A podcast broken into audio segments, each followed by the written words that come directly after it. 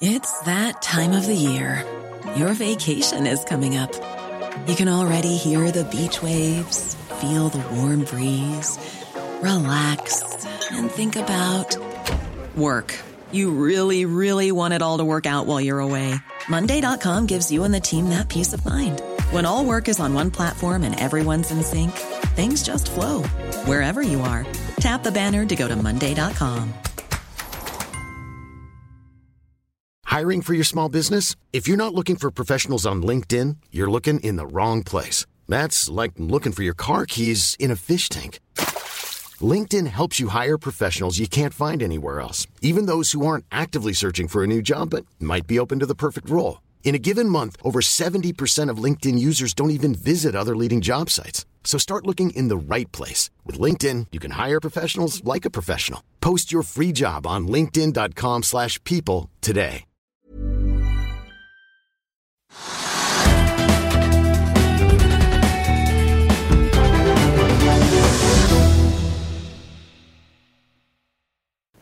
Velkommen til Økonominyhetene. I dag besøk av Obos-sjef Daniel Sirai. Nå begynner her hjemme Oslo Børs. Akkurat nå er vi ned 1 Trygve. Det er flere faktorer som er med å sende Oslo Børs i rødt i dag. Det er flere faktorer, og det er faktisk eh, for en gangs skyld ganske lett å forklare hva som foregår på børsene. Både Oslo Børs, de europeiske børsene og USA i går. Ganske lett. For det, for det, første så er jo det at oljeprisen falt i går med et par dollar per fat. Så nå ser vi da for brentoljen så ser vi da 61 dollar per fat. Det er en ganske stort fall. Hvis vi går bare et par uker tilbake, da angrepene på disse oljeinstallasjonene i Saudi-Arabia kom, så var oljeprisen over 70 dollar per fat. Og nå er vi nede på 61. Og det har da medført selvfølgelig på Oslo Børs at de typiske oljeselskapene, Equinor og Aker BP, og også DNO, de har falt med 2-3-4% Og så har det også begynt å falle da oljeserviceselskapene, sånn som Subsea 7. Så vi ser et klart fall og et klart trend på Oslo Børs. At med så betydelig fall i oljeprisen, så faller også oljeaksjene. Du, det henger sammen. Du nevner droneangrepet i Saudi-Arabia. Vi ser, skal også senere i sendingen ha en video hvor vi ser at Saudi-Arabia faktisk har eh, hva heter det, fått en del av dette bortfallet med, med olje som skjedde i forbindelse med droneangrepet, har de faktisk klart å kompensere for. Ja, det tror jeg de hadde så store lagre også. Så produksjonen er ikke ja. langt nær så dårlig som man kunne forvente? Nei, det er altså tilbudssiden er kanskje litt større enn man hadde trodd eller fryktet. Og, men det er usikkerhet i markedet. og det har jeg for, fordi aksjene på Oslo Børs som er korrelert med oljeprisen, de er ned. Så det er det ene. Og de som da syns det er gøy å se på utenlandske finansstillinger om kvelden, som jeg, jeg, gjør, så kunne man følge med på CNBC i går kveld. og Da Donald Trump gikk på talerstolen i FN, og snakket lenge om mye rart. Eh, så begynte han å snakke plutselig om handelsavtalene med Kina, hvordan Kina oppførte seg, hva Kina hadde gjort og hva de ikke skulle gjort, og hvordan de hadde jukser og greier og masse rart. Da falt børsene med en gang. For da skjønte folk at den tonen som Donald Trump hadde, som var ganske aggressiv og hard, så ville det da kanskje bety, kanskje man visste ikke, bety at disse handelsforhandlingene med Kina gikk dårlig, og at man ikke ville få en løsning på det. Og da hele markedet falt i Amerika. Indeksen man kunne følge med fra minutt til minutt, og det var ganske interessant å se. Så på toppen av det, litt utover kvelden, de som da fulgte med enda mer enn det, de så også da det at det ble mer fart i da disse spekulasjonene i om da det vil bli en riksrettssak mot uh, Trump. Og det ble det. Altså de, ja, Nancy Pelosi bekreftet vel at de ja, ville sette i gang Hun sa at hun var, hadde tidligere vært imot en riksrettssak, men hun helte nå da i retning av at man burde gjøre det. Også det påvirket børsene. slik at de hadde fall i oljeprisen. Så hadde Donald Trumps utfall mot Kina, som da på en måte kan ødelegge da handel i mange land, redusere veksten og masse rart. Altså det som investorene ser på. Eh, og så fikk vi da riksrettssaken etterpå, som da på en måte ble litt mer fokusert enn det har vært tidligere, hvor det har vært ganske mye spekulasjoner. slik I sum så var dette mer nok til å senke Oslo Børs. og de mesteparten av dagen så har da alle de store selskapene vært ned, og så er det et par som har snudd rundt og Orkla kanskje bitte litt opp. eller sånt. Men stort sett har det vært en veldig dårlig dag på Oslo Børs, og godt begrunnet i det som skjer eh, på makrosiden, og også på den politiske siden i USA. Ja, Vi kan jo ta med oss noen enkelthendelser. En Norsk Hydro som hadde da kapitalmarkedsdag i går og varslet at de skulle uh, kutte 6,4 milliarder frem til 2023 fortsetter å falle i dag, er ned 1,4% akkurat nå. Ja, så kan vi Ja, alle er ned. Ja, Equinor som du nevnte, de er ned 1,8% akkurat nå. De har undertegnet en intensjonsavtale med et kinesisk selskap om et samarbeid på havvind. De vet ikke om havvind er nok til å ja, er... imponere Trygve Hegnar i dag, men det, det, er jo ikke til å komme unna at de store oljeselskapene faktisk nå tar store grep på fornybar energi. Ja, men det er så langt frem i tiden at jeg ikke tenke på det. Nei. Vi skal vurdere markedet i dag. Altså, Skatek Solar. I, I overskuelig fremtid, enten det er noen måneder eller år, altså hva, hva som kommer på havbunnen eh, et eller annet sted med vind, et eller annet sted, det er 10-15 år frem i tid, så det kan vi ikke se på. Hvis du spør meg om faktorer som da påvirker Oslo Børs i dag, så har jeg nevnt de faktorene. Ja. For jeg tror det er ganske riktige og ikke vanskelig å Skatek Solar har, er opp 0,3 Det har fortalt til markedet i går at det skulle ha en restetemisjon, og hentet da 1,32 milliarder kroner. Ja, altså det var, jeg tror det var i går jeg sa det, eller i forgårs, jeg er ikke sikker, men jeg sa at Scatec Solar er et av de få selskapene innen grønn sektor som jeg tror på, og som ligger i økonomi, fordi at selskapet er godt, godt, godt forankret i en god forretningsidé. Lager store solparker i andre land, har inngått kontrakter med kommuner eller stat eh, på lang, langsiktig grunn. Og de tjener penger, og de gjør de riktige tingene. Og de har da hatt Ferd som aksjonær, det Folketrygdfondet som aksjonær, eh, andre gode aksjonærer. Og så har de da hentet i markedet 1,3 milliarder kroner. Er en rettet på 116 kroner. Kursen var da før det 120 kroner. Eh, og de fleste aksjonærene, bortsett fra Ferd kanskje, eh, har vært med på denne rettede emisjonen. Og da skulle man tro da, For å få plassert den milliarden i markedet, så skulle man tro at det ville gi en ganske stor rabatt da, for å hente de pengene i løpet av et par timer. Men det gjorde de ikke. De ga kanskje et par kroner rabatt, og så var kursen litt ned i, i dag tidlig. Og så har det snudd at faktisk kursen er bitte litt opp etter dette her. Og det tyder på at markedet tror at Scatec er et bra selskap. Ja, De henter disse pengene for bl.a. å akselerere veksten ytterligere. Ja, får vi håpe. Og så kan vi ta med bare et par småting. Aksaktor. Nordea kutter kursmålet fra 32 til 26 kroner. Vi kan ta med at Morgan Stanley nedgraderer Bård Drilling til equal weight, equal weight altså nøytral vekt, og tar kursmålet fra 66 til 59 kroner. Ja, og det, det har vi kommentert 100 ganger. Altså da eh, Borr, som er et sånn spekulativt selskap innen da oljeboring. Og de vil bare ha glede av hvis oljeprisen går kraftig opp, slik at de tror da at oljeselskapene bruker mer penger på leting, mer på boring og mer på produksjon etterpå. Og akkurat nå som oljeprisen da faller, som er en ganske god trend i det norske markedet, og såpass kraftig som den faller, og da sier jeg liksom fra de 70 dollarene per fat til 61 og noe nå, for i løpet av en uke og halvannen, det er negativt for Borr og den type selskaper, selvfølgelig. Og det så også TransOcean hadde kansellert noen rigger som de hadde bestilt i Østen. Eh, Altså, ting henger sammen. En lav oljepris er ikke bra verken for oljeselskapene eller oljeserviceselskapene. Og Borr Drilling er på en måte rammet av at de er kjempe, kan bli et kjempeselskap. Vi har masse, bestilt masse eh, rigger. eh, Og de skal plasseres på et eller annet tidspunkt, og de har også vært begynt å få ganske mye gjeld. Ja, og så kan Vi ta med helt til slutt at vi fikk arbeidsledighetstall i dag. 109 000 arbeidsledige i Norge i juli. Tre, som utgjør da 3,8% av arbeidsstokken, mens det var ventet 3,6% Ja, jeg syns det er så marginale forskjeller at jeg vil ikke bryte meg om det hele tatt. Noen har, noen har snakket om det, men altså, det betyr jo ikke noe for det norske arbeidsmarkedet. Det betyr absolutt ingenting om det er 3,8 eller 3,6. Og det tallet 3,6 det er da det tallet som da SSB har innhentet når de ringer opp til å intervjue folk, og så sier de at de er syke eller jeg, jeg, jeg, jeg er uten arbeid eller hva det måtte være. Mens da de reelle ledighetstallene som kommer fra Nav, de ligger jo nede på 2,2 eller 2,3% altså Det er jo nesten ikke ledighet i Norge. Så de intervjuundersøkelsene er de skeptiske til, selv om det er SSB som gjør det. Og de reelle ledighetstallene de er nede på totallet. Da skal vi over til noe som kanskje engasjerer enda mer. Velkommen til oss, Obos-sjef Daniel Sirai. Eh, Finanstilsynet har foreslått en innstramning av boliglånsforskriften. Som, boliglånsforskriften som, som kom for et par år siden, varer jo bare ut året. Men nå vil altså Finanstilsynet stramme den ytterligere inn. Hva tenker du om det? Jeg tenker at Finanstilsynet sannsynligvis bare gjør jobben sin. Og det er med, med bakgrunn at EU nå begynner å blande seg inn i hvordan norsk finanspolitikk De har jo skrevet brev til utvalgte EU-land og EØS-land med en ganske sånn korreks på at De mener tilsier høye boligpriser, høy gjeld, tilsier at de anbefaler landene å gjøre tiltak. Da er det ikke så veldig rart at Finanstilsynet skrur på det de har ment burde skrus på tidligere, og kommer med sin anbefaling. Men konsekvensen av det som i og for seg isolert sett fra et finanspolitisk perspektiv fremstår som fornuftig, og det som fremstår ut fra et eh, boligpolitisk perspektiv fremstår som fornuftig, er to forskjellige ting. Og det er det vi har påpekt at dette rammer ganske hardt. Vi gikk inn og så på hvordan dette rammer våre boligkjøpere. Helt vanlige folk som kjøper Obos-leilighet. Og ut ifra det Obos-banken har lånt ut av penger første del av året da, så var det en tredjedel av våre kunder som ikke ville fått lån. med Det er jo ganske alvorlig, da. Ja, det er ganske lån, for det er ikke høye lån. Men er en, en tredjedel av de kundene som dere har behandlet, ville ikke fått Nei. lån hvis man skulle brukt 4,5 istedenfor 5 Ja. år. Så det er en ganske dramatisk konsekvens for vanlige folk, og det er det politikere må ta høyde for. Forrige gang så, så rammer man kanskje toppforbruk, men nå, men nå rammer man rett inn i lommeboka og hverdagen til helt vanlige folk som har behov for å Men, men så sier noen, altså du sitter midt oppi det, så sier noen, jeg så bare en uttalelse fra en eh, makroøkonom som sa da at at dette er egentlig bra. fordi at Hvis man da øh, får en reduksjon i etterspørselen etter boliger nå, for at det ikke da kan finansiere så mye, så vil da boligprisveksten utover bli lavere. slik at de, som ikke har penger, altså unge og enslige og skilte og studenter og hva det måtte være, at de da vil lettere komme inn i markedet etterpå. fordi at det at man får restriksjonen, gjør at hele markedet blir satt litt ned, og veksten blir lavere. prisveksten blir lavere. Eh, det er bare ikke slik det fungerer. Nei, for det, Her har jeg da et innspill som kanskje du liker bedre. Andre boligbyggere sier at en slik innstramming vil føre til at det bygges færre boliger. Vil ikke det være med å Kunne ikke ta en ting av gangen. Han hadde en kommentar til det.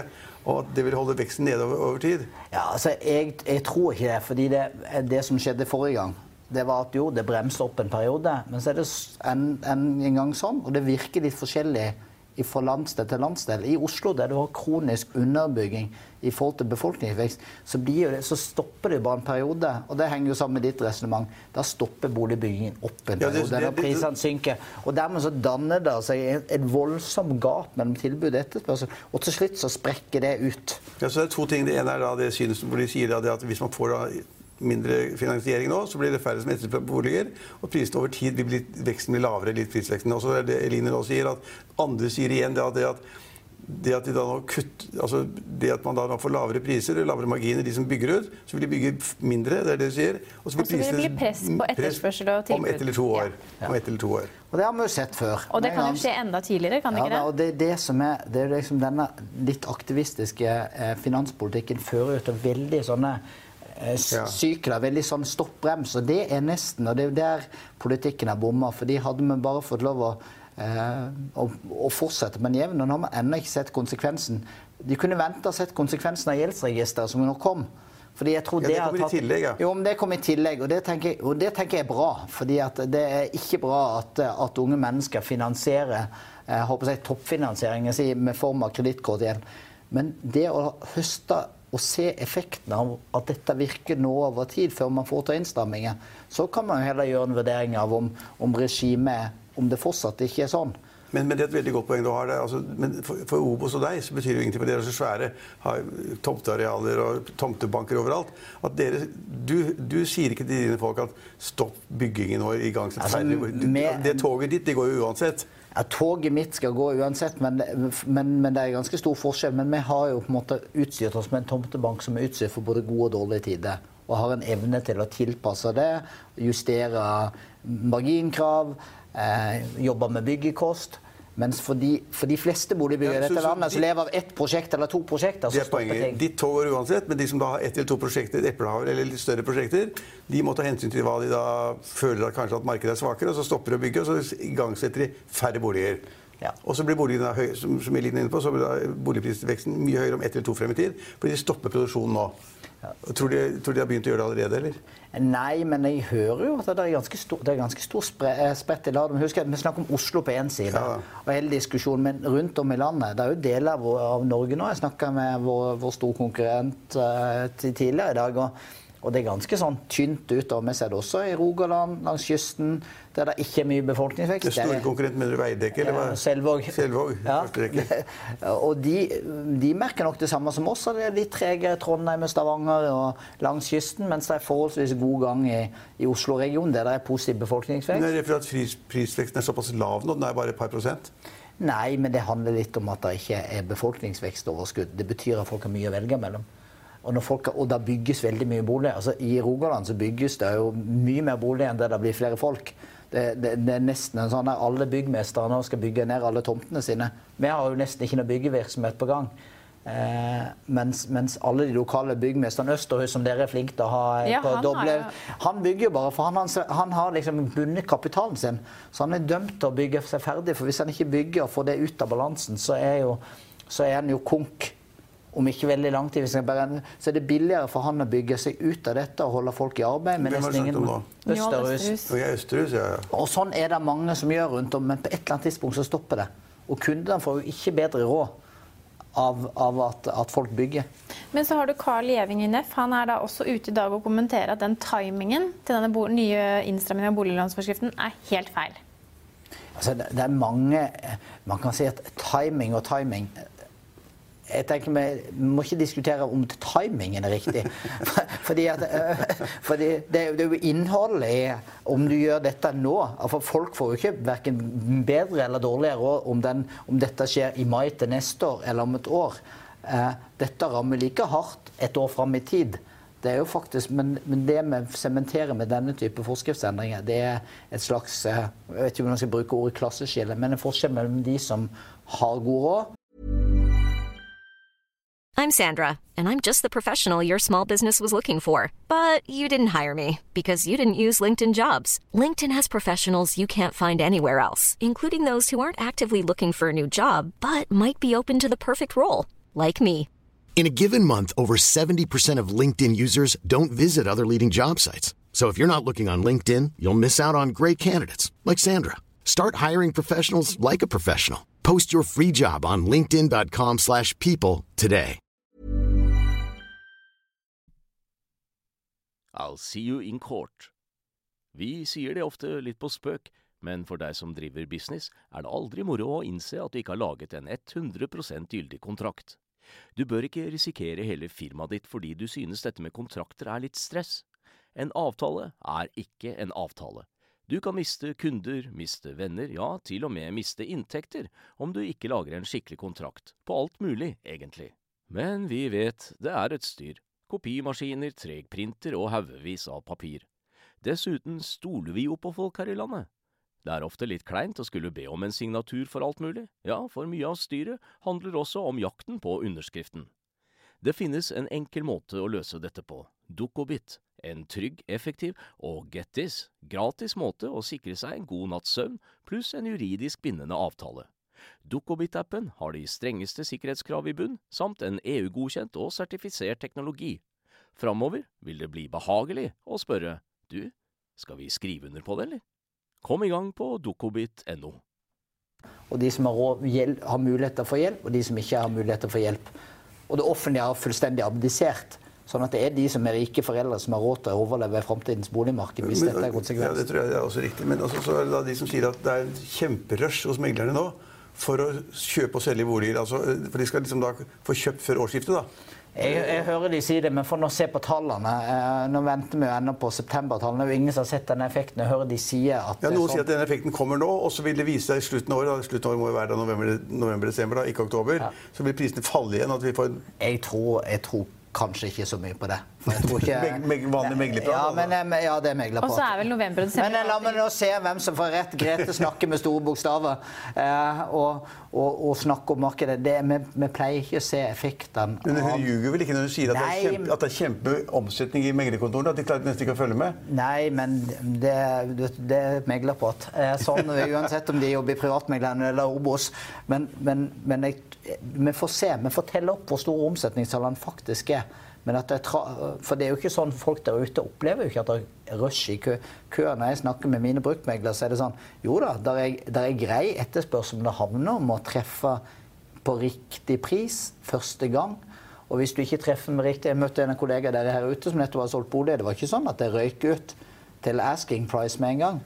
Du må treffe på riktig pris. Men, Men ligge på dere nevner Grete Wittenberg Meyer. Det er kanskje Ja. greit, å si Ja. privatmegleren. Hun har jo tidligere sagt at hvorfor skal man ha denne innblandingen i boligmarkedet? Et boligmarked som tilsynelatende er nokså selvregulerende og klarer seg godt uten innblanding. En god balanse akkurat Jo da, men, men vi må ikke se bort fra at det er fornuftig at myndighetene har et visst perspektiv på, på hvordan kredittveksten skal være. Det, med, med, det er jo sånn at hvis du spør den ultra, ultraliberalisten er jo de samme som mener at vi ikke skal ha en leilighetsforskrift i, i Oslo heller, på normer. Altså, noe politisk styring må vi faktisk som bransje finne oss i. Det er fordi det er Ja, men Du sa jo selv i sted at du ikke likte at myndighetene gikk inn og styrte dette her. Jo, men jeg, jeg sier det at når man blir for aktivistisk Noen begrensninger må det være. Men det er noe Ja, ja. med at man må, må, må se på hvor man står. Akkurat nå den renteøkning, som i seg selv liksom legge en viss demper. Renteøkning, gjeldsregister, ny boligforskrift. Ja, Det er masse rart, det. Ja, på en gang så blir det feil. Men det blir ikke noe bedre ett år i fram, i tid. Det var mitt poeng. Men hvis, eh, nå må man jo også huske på at eh, nordmenns gjeld er jo bundet opp i den boligen de har, så et kraftig boligprisfall vil jo heller ikke gagne de som sitter på denne gjelden. Så en eller annen slags balanse må man vel ha i Ja, altså, jeg, tror, jeg tror ingen, ingen er vel spesielt interessert i, eh, blant folk flest, at boligprisene faller med 10 Nei. Eh, fordi det handler om at det stopper flyttelasset. Det, det stopper unge menneskers mulighet til å eskalere til en større familiebolig. Det stopper eldres menneskers muligheten til å flytte til en mer hensiktsmessig bolig når de blir eldre. Så det alle er interessert i, det er en mest mulig jevn prisvekst. Som vi har nå. Ja, som vi har nå. Som egentlig Ja, som på Litt mer edruelig enn den ja, har vært. Ja. Ja, altså, vi, Ja. Prisen i Oslo steg jo i, i 2016 med 26 eller var det Ja, da, og nå er Vi er langt unna det nå. Nå er vi vel ca. på 8 Nå er vi cirka på 8 til nå i år, som også er mye. Men, men det skyldes jo litt at uh, der er men, Vi skal fortsatt gjennom da septembertallene som ikke har Ja, kommet ja. ennå. Oktober, november, desember. Det er ikke de månedene, i hvert fall ikke de siste jeg, månedene. er jeg, ikke de tipper hvor det går best. jeg har vel tippa at, at eh, årsveksten her skal ligge på, på Oslo skal ligge rett rundt eh, mellom 4 og 5, tenker Ja. jeg. Ja. Og dere, og på men på toppen av det hele da, så kommer Forbrukerrådet i dag eh, ut og sier at de støtter Finanstilsynets eh, forslag om innstramming. Jeg, jeg slutter egentlig aldri la meg forundre over hvilke posisjoner Forbrukerrådet til enhver tid tar. Eh, og jeg, for det første er det ingen av de eksisterende boligeierne som er interessert i et boligprisfall, som dette kan lede til. Og dessuten så er det faktisk en kilde til bekymring at, at vanlige mennesker uten rike foreldre ikke får råd til å kjøpe den, den boligen de trenger. Og det gjelder ikke bare førstegangsetablerere. Det gjelder like mye eh, Det vi ser oftere nå, det er f.eks. folk som splitter lag. Folk blir skilt. ja, og, det er jo ikke sånn at Og så er det jo sånn at kan du si jo, men ett menneske, ett menneske, de, de trenger jo bare en mindre leilighet. Men du har tross alt med deg to unger eller én unge, og du skal gi folk ungene dine et godt sted å bo, og du skal helst ikke bo for langt. Og da nytter det ikke å si at du kan godt flytte til Nittedal. Fordi når mor og far Du vil helst bo og ha skolekrets og sånn, og det betyr jo bare at Og de rammer spesielt hardt. Forbrukere har ikke skjønt det. Nei, men Nei, Finanstilsynet de har en oppgave. De skal se på fin- pengepolitikken og finanspolitikken og gjeldsgraden i makrostørrelse på landet. Forbrukere skal se på interessene, altså, eller forbrukernes interesse. interesse. Det er, jo ingen, det er jo ingen statistikk og tall som viser at folk misligholder gjelda, har problemer med gjeldsbetjening sånn som det. Eh, Man blir jo vurdert for et langt høyere rentenivå i dag Enn det man faktisk enn det man faktisk betaler. Og til tross for at renta nå stiger, så er jo det lagt inn i bufferen. Så det betyr at folk har jo fått lån basert på forutsetninger som, man de skal får- tåle en som man skal, som man Ja. tåle. Så, så, så det er jo ikke statistisk statistisk belagt på at folk har kommet dårligere ut. Men, men så er det en ting jeg lurer på, som du, du kanskje har svaret på. Det er, hvis man da hvis det blir færre som kan etterspørre boliger fordi at finansieringen blir dårligere, eller renten er høyere, eller at uh, whatever altså, Det blir vanskelig å finansiere en bolig hos deg eller hos andre. Vil det bety at etterspørselen flytter seg over til leiemarkedet, slik at leie, leieprisen går opp? Jeg, Men hvis du, ikke, hvis du ikke får kjøpt bolig, du skal ha bolig, du skal begynne å studere i Oslo, så må du bo et sted. Jo da, og så er det noe der Leiemarkedet fungerer jo, det også. Det er heller ikke en sånn der løp og, løp og kjøp-marked. Det- For Nei, det, det er det, er jo bare, det, er bare, det er bare å spørre de som leier ut. Du kan ikke ta hvilken som helst, selv om det er eh, hvilken som helst pris. Folk er ganske selektive på hva de har råd til å betale. og Spesielt fordi nordmenn er opptatt av å eie sin egen bolig. Ergo så har man ikke så høy betalingsvilje for egentlig det man oppfatter å kaste penger ut av vinduet. men hvis man skviser markedet, at det blir vanskeligere å finansiere en bolig, så må, og hvis de skal ha en bolig, så vil jo det på en måte, det vil jo øke antallet personer da, som går inn i leiemarkedet. Ja, et visst press blir det, men der tror jeg faktisk at det er en ganske god tilbudsside for tiden. Og vi vet jo at i 2019, altså disse årene nå, så er det ganske mye sekundærboliger som er ferdigstilt og overlevert til små og store investorer. Ergo så er det, kommer det til å være en ganske bra tilførsel av det, spesielt i Oslo, men også en del andre steder. Sånn at jeg tror Markedets evne til å absorbere den, den veksten er til stede. Det blir ikke, nei, jeg, jeg, vil ikke, jeg vil ikke si at det blir stort press på, på leiemarkedet. Vi har jo snakket om dette prestisjeprosjektet deres nede på Majorstuen, og Trygve har jo sikret den toppleiligheten der lenge. Har det? Har du noe god pris, til han nå hvis vi får en innstramming, så må vel du var også ikke- sette var- ned prisen? det Må du ikke var det? ikke 90 millioner for den Vet du toppleiligheten. hvem han kan få den for 90 hvis han tar den i dag? Hører du, Trygve? Nei, får den for 90. Det er ikke ofte Daniel Sirai setter ned prisen for Men da må du ta, da må du ta den med i hånda og, nå. Da kan du 90? se opp til Ja, Snestad, altså, hvis du du. tatt deg i hånden, skulle jeg tatt den på 50. Ja, Nei, det blir ikke noe det- Så, så, så gode marginer har vi ikke. Og så er det en svær trafikkatt ved siden av der, mellom da stadion og eh, boligen. Så det er, det er en trafikkmaskin ved siden av der. Er Ja, men du ser ikke den når du er i Det kom- det kom- toppmaskinen. Det får si sånn, Den det, den kommer sikkert Miljøpartiet De Grønne til å stenge. Til å stenge, ja, det er, det er Så da blir det sikkert sånn med sånn gågate. det blir ikke noe gå. Men apropos prosjektet, det er morsomt at Eline spør om det. Den leiligheten kostet, Hva kostet den? 90? 92? 95. 95, ja, ok. Fem Jeg mener den er rabatt. verdt 100, så du Ja, det, inn i ok, realiteten 10 millioner. ok, bare for moro skyld kunne jeg by 50 for den, men jeg tror ikke jeg gidder gjøre det. Men, men, men, men resten av prosjektet, det er jo tre blokker eller masse Det har solgt, det har solgt veldig bra. Ja, det er det. Og vi har nå, best, nå blir det byggestart. Nå, nå har vi Ja, signert kontrakt. Eh, Nei, de er i gang med rivinga nå. Det ser helt jævlig ut der. ja, ja. Men det, blir jo plukket, det er jo en stor jobb å plukke ned et stort bygg med, Ja. med alle de krav som er til, til å gjøre det på miljømessig riktig måte og få sortert ting, ting rett. Og så er det jo midt i byen. men hvor mange leiligheter er det totalt? Altså Bortsett fra den toppleiligheten din. 330 leiligheter. 330, hvor mange har du solgt av de? Vi har vel solgt drøyt 60% av de til nå. Ja, okay. Og vi er jo liksom to og et halvt år til Hvor lang tid tar det å bygge det? To og et halvt år? Ja, det er i hvert fall to og et halvt år til. Blir det noe bra kvalitet der, da? Kjempebra. Ja, men- Det trenger du ikke. Ja, det blir kjempebra. Ja, ja, ja. Trygve til priser opp mot 95 millioner kroner, så må man vel anta at det bygges med en viss kvalitet, men det var fordi det var stor takterrasse og på toppen. Og Nei, det, det blir en veldig bra kvalitet, det kan jeg love deg. Så hvis noen sier det blir vanlig Obo-standard, så er det bra, det altså. Ja, ja, veldig bra. Hvis, det, hvis, det, hvis du sier at det blir bra Obos-standard, så kan du gå ut for at det er veldig bra. Det er ikke bedre enn vanlig Obo-standard. Man ligger ikke i med, for det er i Middeltunds gate og det er Oslo vest og Nei, sånn. Men vi, vi jobber jo litt med forskjellig, fordi folk har forskjellig lommebok. Så vi jobber, jobber ganske systematisk med at vi legger en, en standard på det prosjektet der det er dyrtpriser, så er en annen som er mer en normalstandard. Har vi noen steder der markedet er mindre kjøpesterkt, en litt enklere standard. Sånn, fordi folk har forskjellig lommebok, og dermed Men- så må du Men, men. Men Daniel er omstillingsvillig, han. altså Hvis han nå er- allerede før innstramming av boliglånforskrift vil gi deg fem millioner avslag på en toppleilighet, Trygve, da, da skjønner du at Altså, jeg han er bor veldig godt omstillingsvennlig. på Ullern, har praktfull bolig. Jeg skulle sett på det hvis den var 50 eller 47. Ja, 49. ja, ja. Men- men- Det blir men- nei. Jeg. Men det, men det, var, men det var altså 300 boliger eller sånn sånt. Skal, hva, hva, hvordan blir parkeringen der?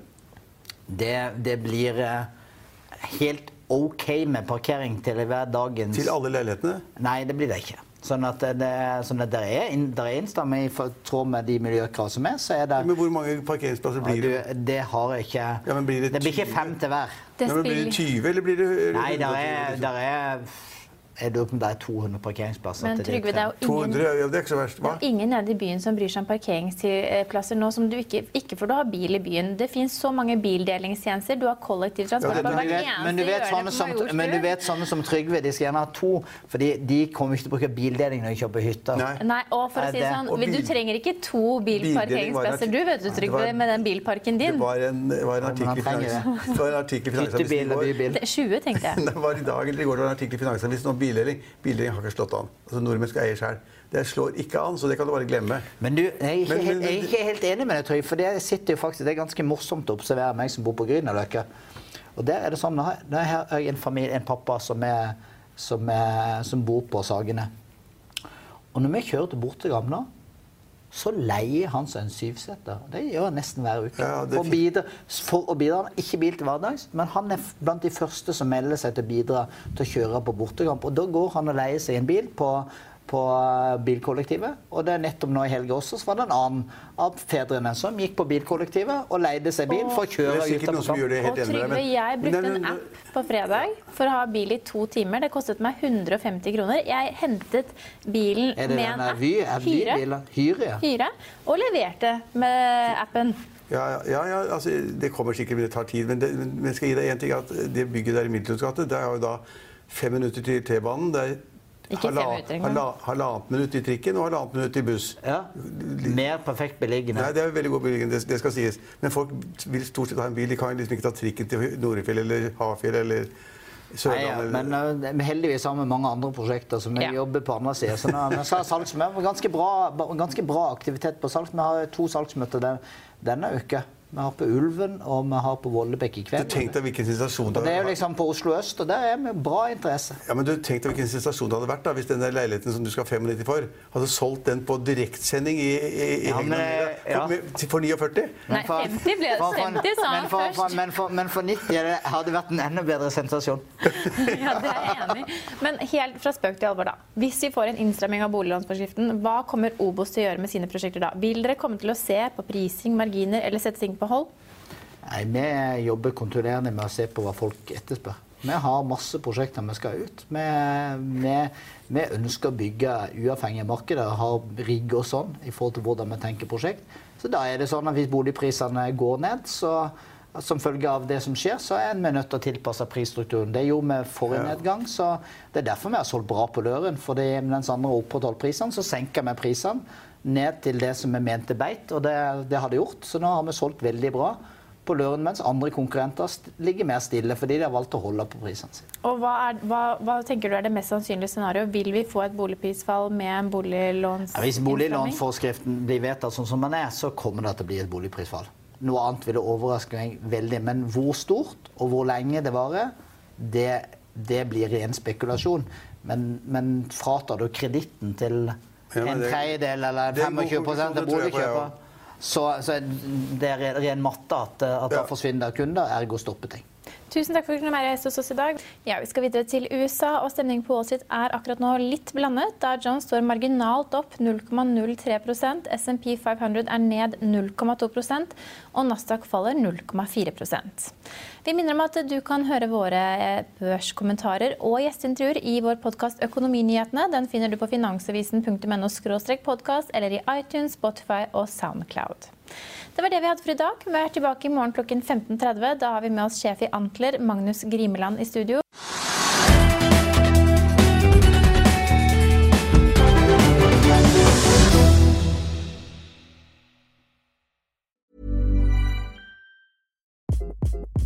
Hi, this is Craig Robinson from Ways to Win, and support for this podcast comes from Invesco QQQ the official ETF of the NCAA. Invesco QQQ is proud to sponsor this episode and even prouder to provide access to innovation for the last 25 years. Basketball has had innovations over the years too. We're seeing the game played in new ways every day. Learn more at Invesco.com slash QQQ. Let's rethink possibility. Investco Distributors, Inc. For the ones who work hard to ensure their crew can always go the extra mile, and the ones who get in early so everyone can go home on time, there's Granger, offering professional grade supplies backed by product experts so you can quickly and easily find what you need. Plus, you can count on access to a committed team ready to go the extra mile for you. Call, clickgranger.com, or just stop by. Granger, for the ones who get it done.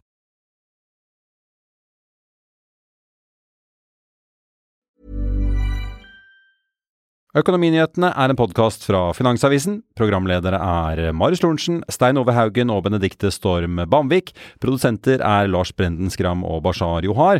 Og ansvarlig redaktør er Trygve Hegnar.